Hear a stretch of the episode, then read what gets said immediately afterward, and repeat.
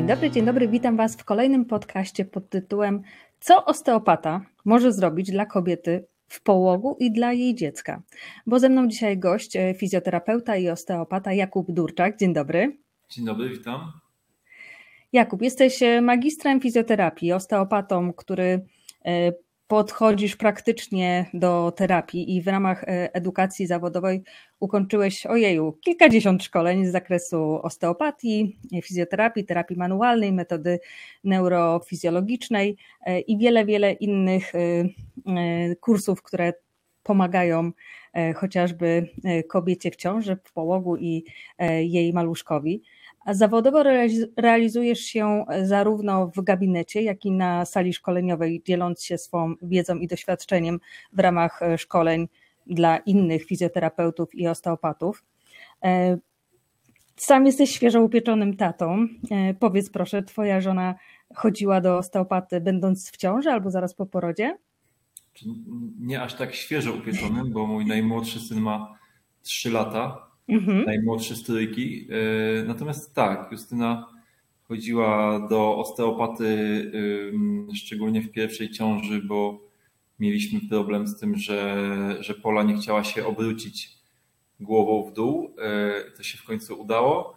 Mm, natomiast w tych kolejnych ciążach, no to już raczej ja byłem tym osteopatą, który, który się zajmował Justyną który doglądał swoją partnerkę. Pięknie. Och, każda tutaj teraz mama po drugiej stronie tobie bardzo, bardzo zazdrości. E, znaczy twojej żonce. Dlaczego warto w ogóle iść do osteopaty w okresie połogu?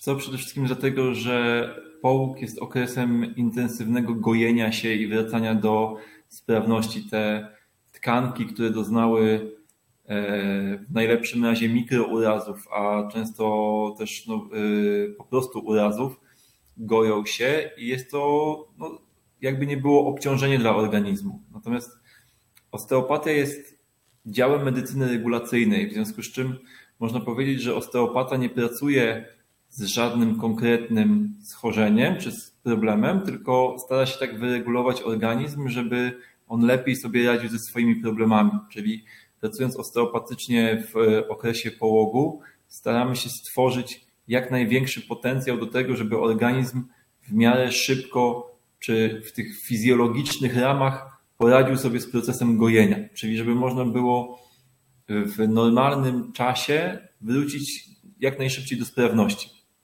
Bo jeżeli na przykład w procesie gojenia powstaje jakiś obrzęk i ten obrzęk się utrzymuje, to on ten proces gojenia zaburza, czyli wydłuża go niepotrzebnie. Więc no to właśnie, jest, tak najprościej mówiąc, w ten sposób mhm. pomagamy w okresie połogu. E, by jak najszybciej wrócić e, do tej sprawności e, sprzed. I właśnie w innych krajach jest tak, że i osteopata, i fizjoterapeuta częściej jest u mamy zaraz po porodzie niż w Polsce. Polska się jeszcze tego wręcz uczy. Kiedy mama może się zapisać do osteopaty po porodzie? Właściwie od razu. Mhm. Nie widzę żadnego powodu do tego, żeby czekać z tą wizytą. E, ja osobiście nie, nie robię wizyt domowych. Po prostu logistycznie jest to, jest, to, jest to dla mnie trudne. Nie mam czasu, żeby jeździć do pacjentek, więc przyjmuję w gabinecie i zawsze mówię, że no, pierwszą wizytę zrobimy wtedy, kiedy ta pacjentka będzie gotowa na to, żeby przyjść do gabinetu. Natomiast y, generalnie ten okres połogu nie jest przeciwwskazaniem takim bezwzględnym do wykonywania terapii absolutnie. Y, może być względnym przeciwwskazaniem, czy przeciwwskazaniem do wykonywania niektórych technik. Tak? Natomiast no, jest logiczne, że jeżeli kobieta jest po jakimś trudnym porodzie, czy właściwie po jakimkolwiek porodzie, i ma jakieś swoje problemy po tym porodzie, no to nie wszystko można z nią zrobić, ale na pewno można zrobić terapię, można pracować, tylko w ramach, które e, no już tutaj ten osteopata, który będzie z nią pracował, określi. A no, z racji tej, że no, połóg się kończy i też bardzo skupiamy swoją uwagę na swoje dziecko, e, to kiedy wraz z dzieckiem powinnyśmy się e, zgłosić do osteopaty? Tu jest dokładnie ta sama sytuacja. Jak tylko czujemy, że jesteśmy już gotowi na to, żeby z dzieckiem wyjść z domu i zawitać do gabinetu, to to, to jest już dobry moment, bo mhm. tak naprawdę im młodsze dziecko, tym w pewnym sensie łatwiej się z nim pracuje taką szczególną e, okolicą ciała, na którą zwracam uwagę u noworodków jest głowa, ponieważ głowa noworodka jest zupełnie inna niż głowa dorosłego. Czaszka noworodka jest zupełnie inna niż czaszka dorosłego. My wszyscy jesteśmy przyzwyczajeni do tego, że jest to jedno ciemiączko, przez które robi się USG przez ciemiączkowe na przykład po porodzie. Natomiast tych ciemiączek jest więcej. Ciemiączek jest w sumie siedem, trzy nieparzyste, dwa parzyste i to są, one są wszędzie tam, gdzie e, w późniejszych etapach rozwoju tworzą się tak zwane punkty kraniometryczne, czyli tam, gdzie kości czaszki schodzą się ze sobą, gdzie szwy między kośćmi czaszki łączą się ze sobą. W okresie noworodkowym te miejsca są mniej zbudowany z tkanki kostnej, a bardziej można powiedzieć, że jest to tkanka chrzęstna, w związku z czym pracując z czaszką noworodka mamy, możemy mieć realnie wpływ na zmianę kształtu tej czaszki. Czyli jeżeli w wyniku na przykład jakiegoś trudnego porodu czaszka jest zniekształcona, ona jest stożkowata albo jest jakoś przekoszona, jest niesymetryczna, jest z jednej strony spłaszczona, to pracując w tym okresie noworodkowym mamy szansę na to, że yy, uda się tą czaszkę wyrównać, ponieważ w późniejszych etapach rozwoju, kiedy te e, ciemiączka staną się już w pełni kostne, to możemy oczywiście w dalszym ciągu pracować z, e, z tym, co my nazywamy wzorcem napięciowym, czyli ze zmianą e, napięcia tkanek, ale wpływ na zmianę kształtu już jest bardzo ograniczony albo żaden. Także z tego względu im wcześniej, tym lepiej. To tak aż zabrzmiało, czy to boli taka praca na czaszce dziecka, czy E, czy to nie, może nie. Ja generalnie jestem fanem prowadzenia terapii bezboleśnie. Mhm. Nie widzę powodu, żeby terapia była bolesna. E, oczywiście są takie koncepcje pracy, natomiast i nie, krytykuję ich, po prostu to nie jest moja bajka. Ja jednak staram się, żeby terapia była bezbolesna. Natomiast no, szczególnie w pracy z dziećmi e, ciało dziecka jest tak mało ukonstytuowane, czyli jest tak podatne na terapię, że tutaj naprawdę nie ma potrzeby stosowania jakichś silnych bodźców terapeutycznych. Terapia odbywa się głównie przez dotyk, czasem przez wprowadzenie jakichś niewielkich ruchów e, w to ciało, natomiast nie ma powodu dociskać kolanem dziecka, tak? To tutaj możemy być, mogą być mamy spokojne, że to nie boli. Oczywiście zdarza się, że dzieci płaczą w czasie terapii, czy nawet można Czują powiedzieć, taki dyskomfort może po prostu. Mhm. E, znaczy, wiesz, jest sytuacja y, nowa dla dziecka, jest nowa przestrzeń, nowe zapachy, nowy człowiek, nowy dotyk, więc oczywiście, że dziecko może zareagować na to jakoś tam stresowo, czy po prostu może nie chcieć. Natomiast z drugiej strony ta terapia jest zwykle krótka. Wiadomo, że u dzieci, które są w czasie terapii spokojne, yy, można się z tym dzieckiem trochę dłużej pobawić i sobie wszystko bardzo dokładnie posprawdzać. Natomiast jeżeli dziecko płacze, to ja zwykle mówię rodzicom, że no, dzieci w czasie terapii czasem płaczą. Ja wiem, że nie sprawiam mu bólu, więc ja ten płacz wytrzymam. Jeśli oni mają z tym problem, to w każdej chwili możemy zrobić przerwę. Te przerwy zwykle mm, nie za wiele wnoszą, bo jak tylko dziecko jest oddane z powrotem w moje ręce, to znowu zaczyna płakać. E, no i w przypadku takiego dziecka, które mocno płacze, no po prostu robimy terapię jak najszybciej, robimy tylko to, co jest absolutnie konieczne do zrobienia i to może trwać raptem kilka minut. Czasem znacznie więcej trwa rozmowa z rodzicami niż sam ten akt manualny, że się tak wyraża. Czasem ten niepokój z rodziców przychodzi na dziecko i, i to się tak kumuluje. I... Na pewno dzieci czują tak, i jeżeli tak. mama jest zestresowana wizytą, to to na pewno się przykłada. Właśnie. Ale tak czy inaczej, ja gorąco namawiam e, Ciebie, droga mamo, e, drogi tato, po drugiej stronie. E, ja sama dopiero z dzieckiem poszłam do stopaty w wieku pięciu lat, a tak to wcześniej non-stop jeździłam do ortopedy, no zupełnie bez sensu. I, I im szybciej trafiasz, droga mamo, do osteopaty, ty, tym lepiej. Bo na przykład. Bardziej, jak... jeszcze, mhm. jeszcze tylko chciałem dopowiedzieć, że Są takie problemy typowo noworodkowe, które można bardzo dobrze zaopatrzyć od strony osteopatycznej, e, czyli na przykład problemy z przystawianiem się do piersi, czy problemy z efektywnym ssaniem tej piersi. To są często zaburzenia na poziomie napięciowym w obrębie jamy ustnej, w obrębie tego aparatu e, ssania i często po pracy osteopatycznej dziecko się nagle przystawia lepiej. Oczywiście z drugiej strony e, warto się zadbać o to, żeby to przystawianie było prawidłowe, więc tutaj jakaś współpraca z e, doradcą laktacyjnym na przykład jest bardzo wskazana. Natomiast często te problemy są wieloaspektowe. Z jednej strony ucząc się lepiej przystawiać dziecko, możemy mu e, bardzo ładnie pomóc, a z drugiej strony poprawiając sytuację napięciową w obrębie samej, e, samego tego aparatu ssania powodujemy, że dziecko ma większą łatwość przystawienia się, i bardziej efektywnie na przykład pije, w związku z czym łyka mniej powietrza. Te wszystkie problemy często się ze sobą łączą, bo dziecko, które mało efektywnie pije, łyka więcej powietrza, a potem ma problemy z gazami i jeden problem często napędza drugi, a bardzo często te problemy mają wspólny mianownik y, właśnie napięciowy. A czy na przykład y, wizyta u Ciebie też może pomóc y, zapobiec w asymetrii u dziecka? No, zdecydowanie, bo asymetria jest objawem zaburzenia napięcia, tak? czyli nierównomiernego rozłożenia napięcia w ciele.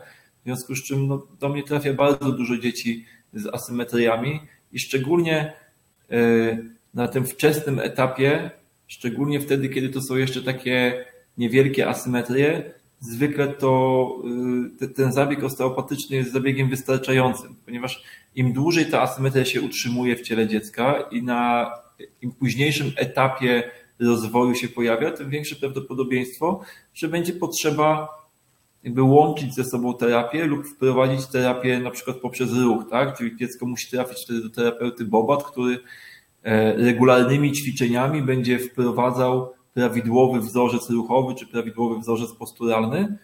E, natomiast tak jak mówię, im wcześniej tym zwykle mniej pracy to wymaga i czasem wystarczy właśnie wyrównać napięcie w ciele i ta asymetria bardzo ładnie się wycofuje.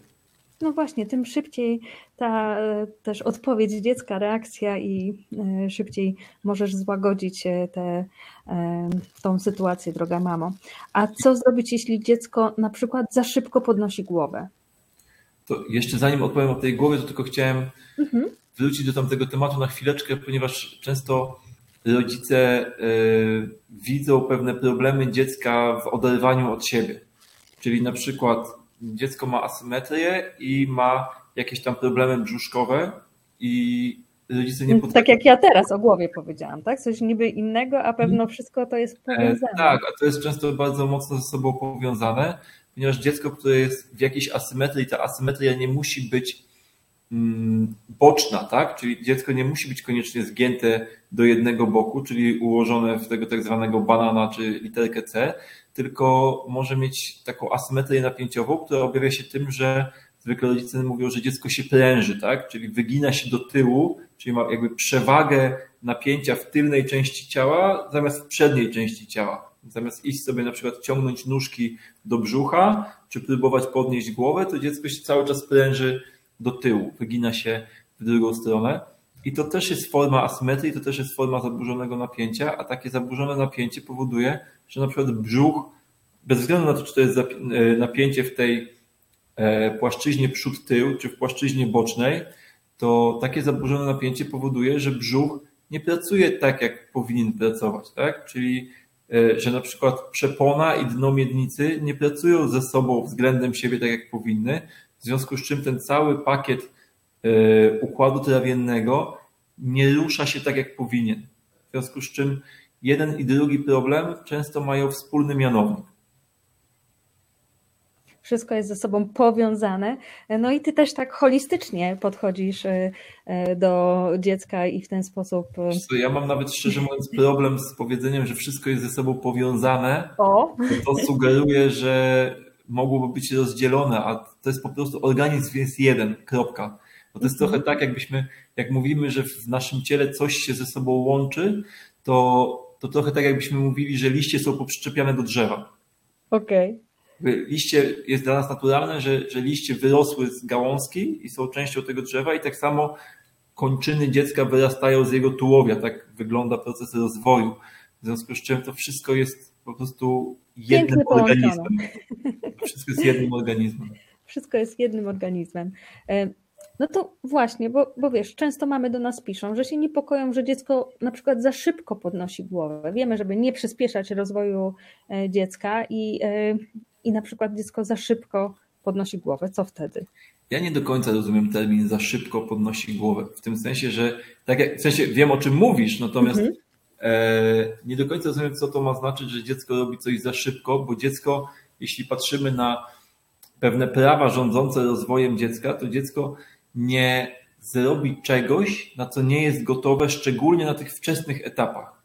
Mhm. Bo y, no nie ma dziecka, które, nie wiem, nauczyło się siadać, a nie nauczyło się podnosić głowy.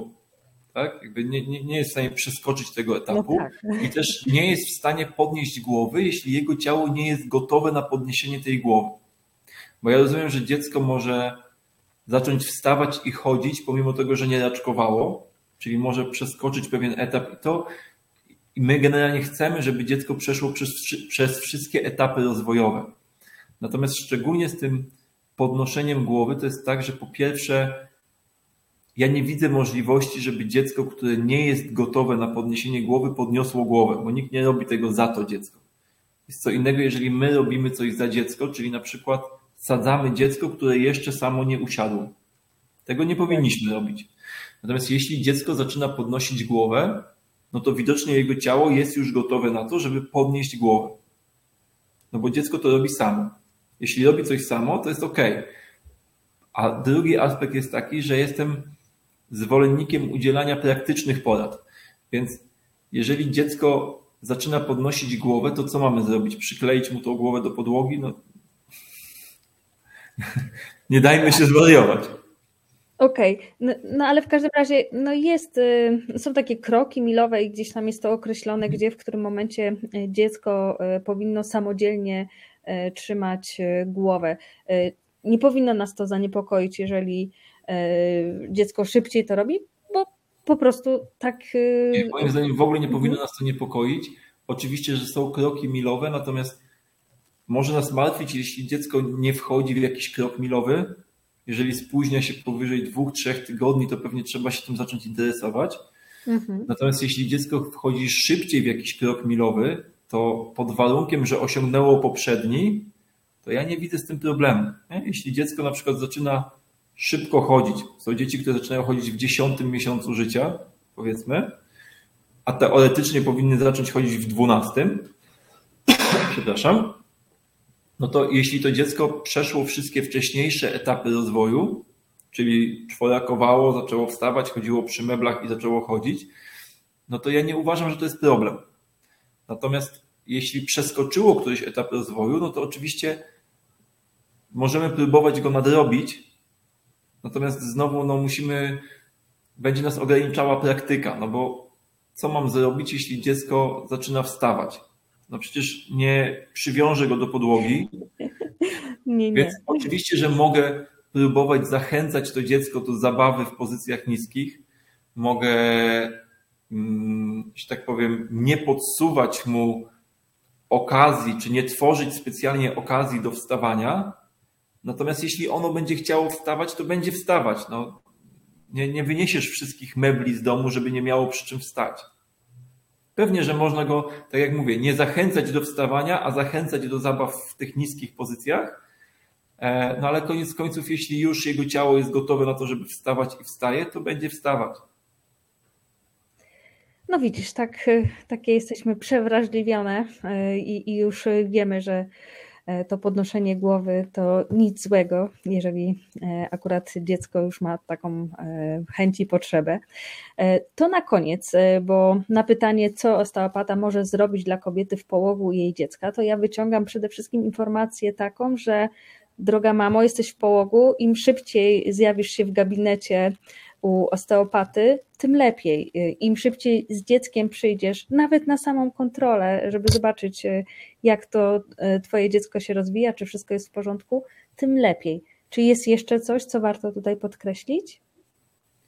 no, myślę, że to jest dobre podsumowanie i jeszcze tutaj chciałem może powiedzieć właśnie o samych mamach, mniej o dzieciach, bo to jest chyba dla mhm. wszystkich oczywiste i ludzie, y, ja widzę po swoim gabinecie, do którego naprawdę ludzie przynoszą bardzo małe dzieci, najmniejsze dziecko, które, z którym ktoś przyszedł do gabinetu miało 4 dni, więc y, ludzie widzą potrzebę pracy z noworodkiem i, i z tymi noworodkami przychodzą.